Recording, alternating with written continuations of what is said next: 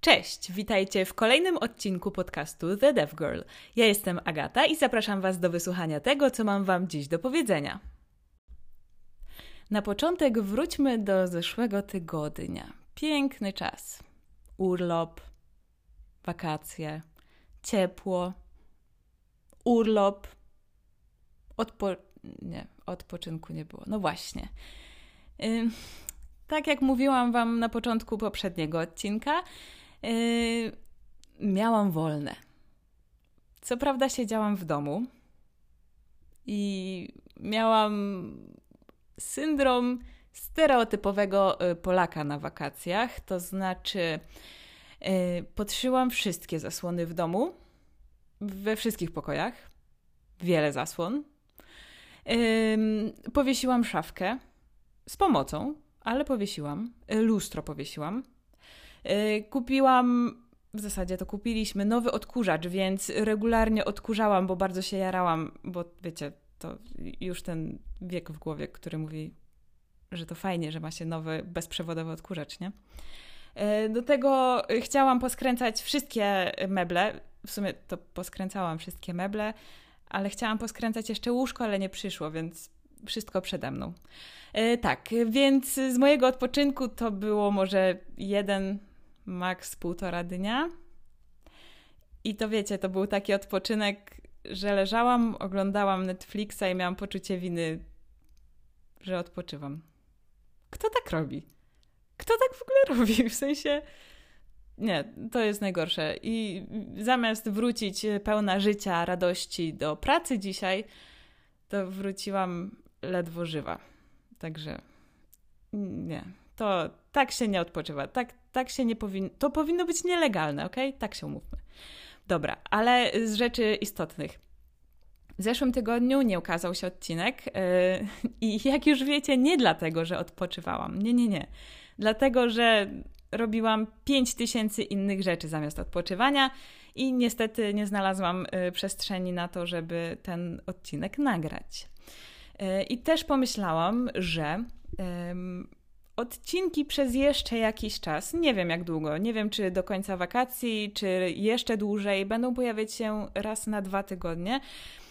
Y, z kilku powodów. Po pierwsze, chciałabym, żeby to sprawiało mi cały czas przyjemność, bo to sprawia mi ogromną frajdę, że mogę tak do Was pogadać, że dostaję feedback, informację zwrotną, że dzielicie się swoimi opiniami, że otwieracie się dzięki temu podcastowi, wychodzicie do świata ze swoimi przemyśleniami i do mnie. Bardzo to jest miłe. Dostaję też y, feedback w pracy od kolegów i koleżanek, co jest równie miłe. Y, oczywiście wszystkie informacje, wszystkie rady biorę do serca. Y, postaram się wszystko wdrożyć tak, żeby słuchało się mnie jeszcze przyjemniej. Tak, więc to, była, to był pierwszy powód. Po drugie, chciałabym mieć zawsze o czym mówić, a nie nagrywać tego podcastu dla samego nagrywania, bo nie taka była moja idea. Chciałabym, żeby to było wartościowe. Po prostu. Um, tak, a poza tym, wiecie, szykuje się kilka fajnych rozmów. Mam nadzieję, że dojdą do skutku. Bardzo trzymam za to kciuki i proszę, żebyście wy również trzymali i trzymały kciuki. Um, ale potrzebuję czasu, po prostu, ok? Muszę zgadać się ze wszystkimi y, ludźmi, którzy chcieliby w tym podcaście wystąpić y, i wtedy dalej ruszyć z działaniem. Tak, y, to z takich informacji. Ok, ale przechodząc do tematu dzisiejszego odcinka. Kilka razy w ostatnim czasie miałam przyjemność rozmawiać głównie z wieloma kobietami, które pytały mnie o jedną rzecz. To były kobiety, które chciały wejść do technologii, do branży IT, e, chciały rozpocząć przygodę z programowaniem. E, były też kobiety, które po przerwie chciały wrócić do programowania, czy w ogóle do technologii. No i te kobiety pytały mnie przede wszystkim o to, czy nie jest już za późno. Wiecie, czy nie są za stare na to, żeby zacząć pracować w technologii i w ogóle w programowaniu. I szczerze powiedziawszy, yy, mogłabym powiedzieć, że nie i zakończyć ten odcinek. Ale dajcie mi się trochę rozwinąć. Od razu też przepraszam za psa w tle. Wiecie, no psy szczekają, tak bywa. Ale yy, wracając. Przede wszystkim to, co mi się wydaje, wiecie, to mój podcast, wyrażam swoją opinię, mam prawo. W ogóle mam prawo, każdy ma prawo. wydaje mi się, że w żadnym zawodzie, ale rozmawiamy tutaj o technologii, więc wydaje mi się, że wiek nie powinien grać roli. W ogóle. W sensie serio, w ogóle. Jeżeli przychodzicie na rozmowę rekrutacyjną albo wymieniacie maile, czy rozmawiacie przez telefon z rekruterem i pada pytanie, ile ma pani, czy ile masz lat, to moim zdaniem, znowu, to, to jest trochę nie w porządku, nie? W sensie, okej, okay, rozumiem, jeżeli ktoś chce się upewnić, czy masz y, 18, skończone 18 lat, no okej, okay, to jestem w stanie zrozumieć, wiecie, względy prawne. Czy tam 16 w pracy dorywczej, tak to chyba, to jest chyba ten próg wiekowy. E, to okej, okay, ale poza tym, co to, ma do, co to ma za znaczenie? Jaki to ma wpływ? To, co się liczy szczególnie w branży technologicznej, to to, czy coś sobą reprezentujesz, to znaczy, co umiesz, co wiesz, czy uczysz się szybko? Czy w ogóle Cię to interesuje? Czy yy, umiesz przyjmować yy, krytykę, czy w ogóle feedback jakikolwiek, bo to też ma moim zdaniem znaczenie. No i czy jesteś komunikatywny, komunikatywna, a nie ile masz lat? No bo wiecie, zdarza mi się rozmawiać z programistami, którzy e, zamiast pełnych zdań albo pytań rzucają równoważnikami zdania i ja nie mam pojęcia o co im chodzi. Ale nie interesuje mnie, ile mają lat. Wiecie, raczej są pełnoletni, bo pracują. Więc wydaje mi się, że, że są pełnoletni. Więc raczej powinni umieć składać pełne zdania, tak? Tego, tego się trzymajmy. Tak czy inaczej, zdarzyło mi się pracować z kolegą, który y, miał doświadczenia, myślę, że spokojnie ponad 20 lat. Większość swojej kariery spędził w Stanach i tak się złożyło, że w zasadzie nie potrzebował się jakoś specjalnie rozwijać. Głównie pracował w jednej firmie od tych 20 lat. Nikt jakby nie wymagał od niego, żeby uczył się nowych rzeczy. Jakby to wszystko działało, działo się w obrębie jednej technologii, ciągle to samo, tylko trochę większe. Projekt rósł, on zdobywał jakieś doświadczenia, ale w pewnym momencie po prostu się zatrzymał, bo już więcej nie potrzebował wiedzieć. W zakresie tego projektu wiedział wszystko. I tak się złożyło, że pracował ze mną w mojej pierwszej pracy i nie wytrzymał tam jakoś specjalnie długo. Pracował może półtora roku, bo za dużo było dla niego, żeby uczyć się nowych rzeczy żeby dopuścić do głowy, do myśli to, że ktoś go prosi albo projekt wymaga tego, żeby wgryźć się w nową technologię, y, zobaczyć inne rozwiązanie, przyjrzeć się innej propozycji. Wiecie, to nie jest tak, że tylko ty masz rację. Nawet jeżeli masz 30 lat doświadczenia, może być tak, że ktoś ma inną perspektywę i też ma rację. Więc nie był zbyt otwarty również na inne rozwiązania. Ale nikt go o wiek nie zapytał na rozmowie rekrutacyjnej. Wiem, bo pytałam. Tak, to nie było fajne z mojej strony. Teraz to wiem. Tak czy inaczej, nikt go o wiek nie zapytał, mm, ale nie zapytał go też, tak mi się wydaje, e, o to, e, jak on widzi siebie w tej pracy, bo to też wydaje mi się istotne. Ale wracając, wydaje mi się, że właśnie te aspekty są dużo ważniejsze. Jeżeli jesteś otwarta, kreatywna, lubisz technologię, interesuje cię to, nie wiem, masz milion pomysłów na nowe aplikacje i bardzo jara cię to, że możesz coś nowego stworzyć. W ogóle to jest ten język programowania, to jest coś tak ekstra jak nowy język obcy, którego możesz się nauczyć.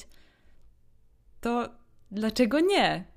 Jeżeli masz 30, 50 czy 65 lat, ile tylko chcesz, zawsze możesz spróbować. Jeżeli stwierdzisz w trakcie, że to nie jest dla ciebie, to okej, okay, ale może to nie jest dla ciebie, dlatego że po prostu cię to nie interesuje, albo przerasta cię to, albo tych informacji jest po prostu za dużo, bo ich jest bardzo dużo i musisz być naprawdę zdeterminowana. Wybaczcie panowie, mówię głównie do pań, ale nie spotkałam się z mężczyznami, którzy baliby się wejść do technologii, bo są za starzy. Także kieruję to głównie do pań. Jeżeli uważasz, że możesz się spełnić w tym zawodzie, to po prostu to rób. Spróbuj. Nic. No dobra, to nie jest tak, że nic cię to nie kosztuje, bo jeżeli. Nie wiem, jesteś jednym z, jedną z osób, które utrzymują wasze gospodarstwo domowe, czy twoje gospodarstwo domowe, to może cię to kosztować, chyba że masz oszczędności, ale może wtedy warto spróbować w wolnym czasie albo iść na staż, nie wiem, cokolwiek, spróbujcie, serio. Mówiłam w jednym z odcinków, że to nie jest zawód dla każdego i ja się z tym zgadzam nadal, podtrzymuję, ale nie dlatego, że ktoś jest za stary. Nikt nie mówi ci, że jesteś za młody, żeby zostać programistą.